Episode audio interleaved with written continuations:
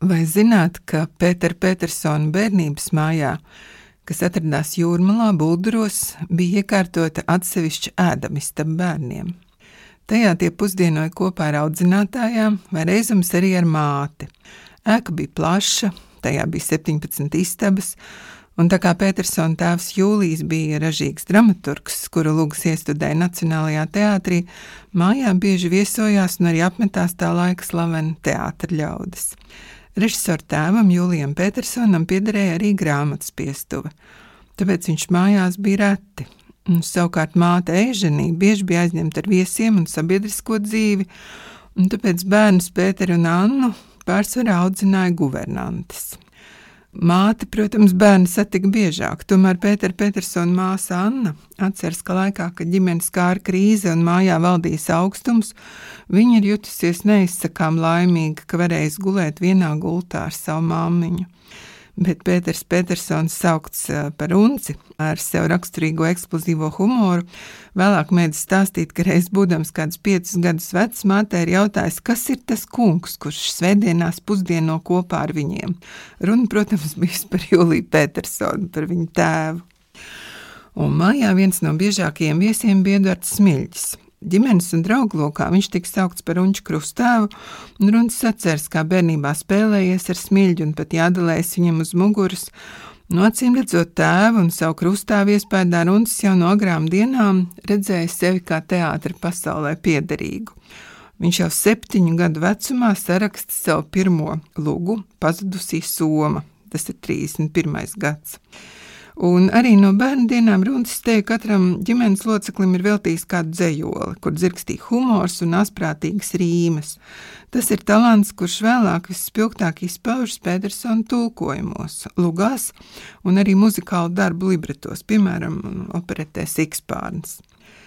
Jau vēlākos gados humorīgas vārsmas veltītas arī viņa daudzajām tantēm, kopskaitā piecām - krustmātei, Luizai Bērziņai, tēva un mātes māsām. Viņas visas šajā Latvijai skarbajā laikā bija jau kļuvušas par atraitnēm, un visas savas vecumdienas sagaida Runča un Petersona ģimenes aprūpētas un arī pavadītas mūžībā. Petersons ļoti agri zaudēja savu tēvu. Viņš šķiras jau 1944. gada rudenī, kad Runcim ir 22 gadi, un vairīdamies no iesaukšanas nacistu armijā, viņš bēguļo pa kurzemes katla mežiem un miestiem.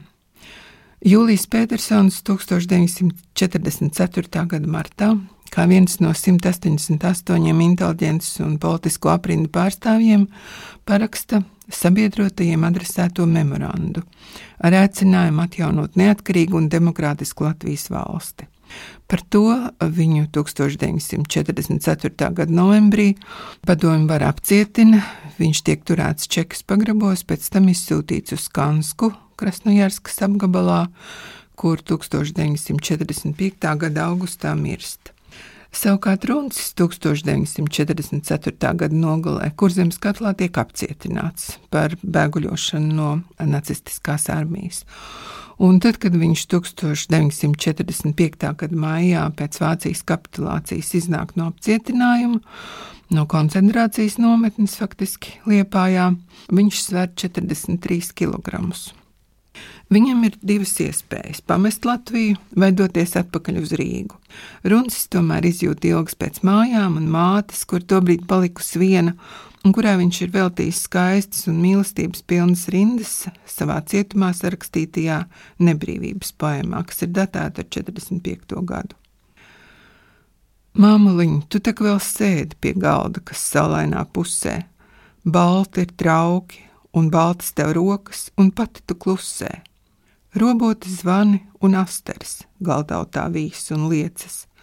Diena ir rāma kā puķa, kas piesaulē debesīs tiecas. Laiks tikpat lēni kā kafijas garāņi, ceļus un slīd. Māmuliņa paliec tajā vietā. Paliec tur vēl vienu brīdi, un tad es jutīšu visu. Ir mieru, kas klājies tev rokās, sīkāko sāpīti arī, kas slēpsies plakstiņa krokās, jutīšu lielāko sāpi kura tev māktin māca sirdi. Nomoka mani tā arī māmuliņa, dzirdi jau dzirdi. Paliec tik, bet tu jau celies un rūpes kā putekļi blāvi, nolīst uz baltajā vaiga, uz drēbēm un tur, kur tu stāvi. Švīkstošiem soļiem tu aizēji mūžīgās gādības gaitās, paliek vien roboti zvani un asteres galdautā laistās. Pētera Petersona māte Eiženija katrētne vēl nodzīvo vairāk nekā desmit gadu, viņa sagaida piedzimstam mazmeitu Kārinu, bet 1956. gadā, 74 gadu vecumā, dodas mūžībā. Viņa ir tā, kas dēlu nosaukusi par unci, kā vēlāk viņus sauc draugi, un kas kļūst arī par viņa literāro pseidonīmu.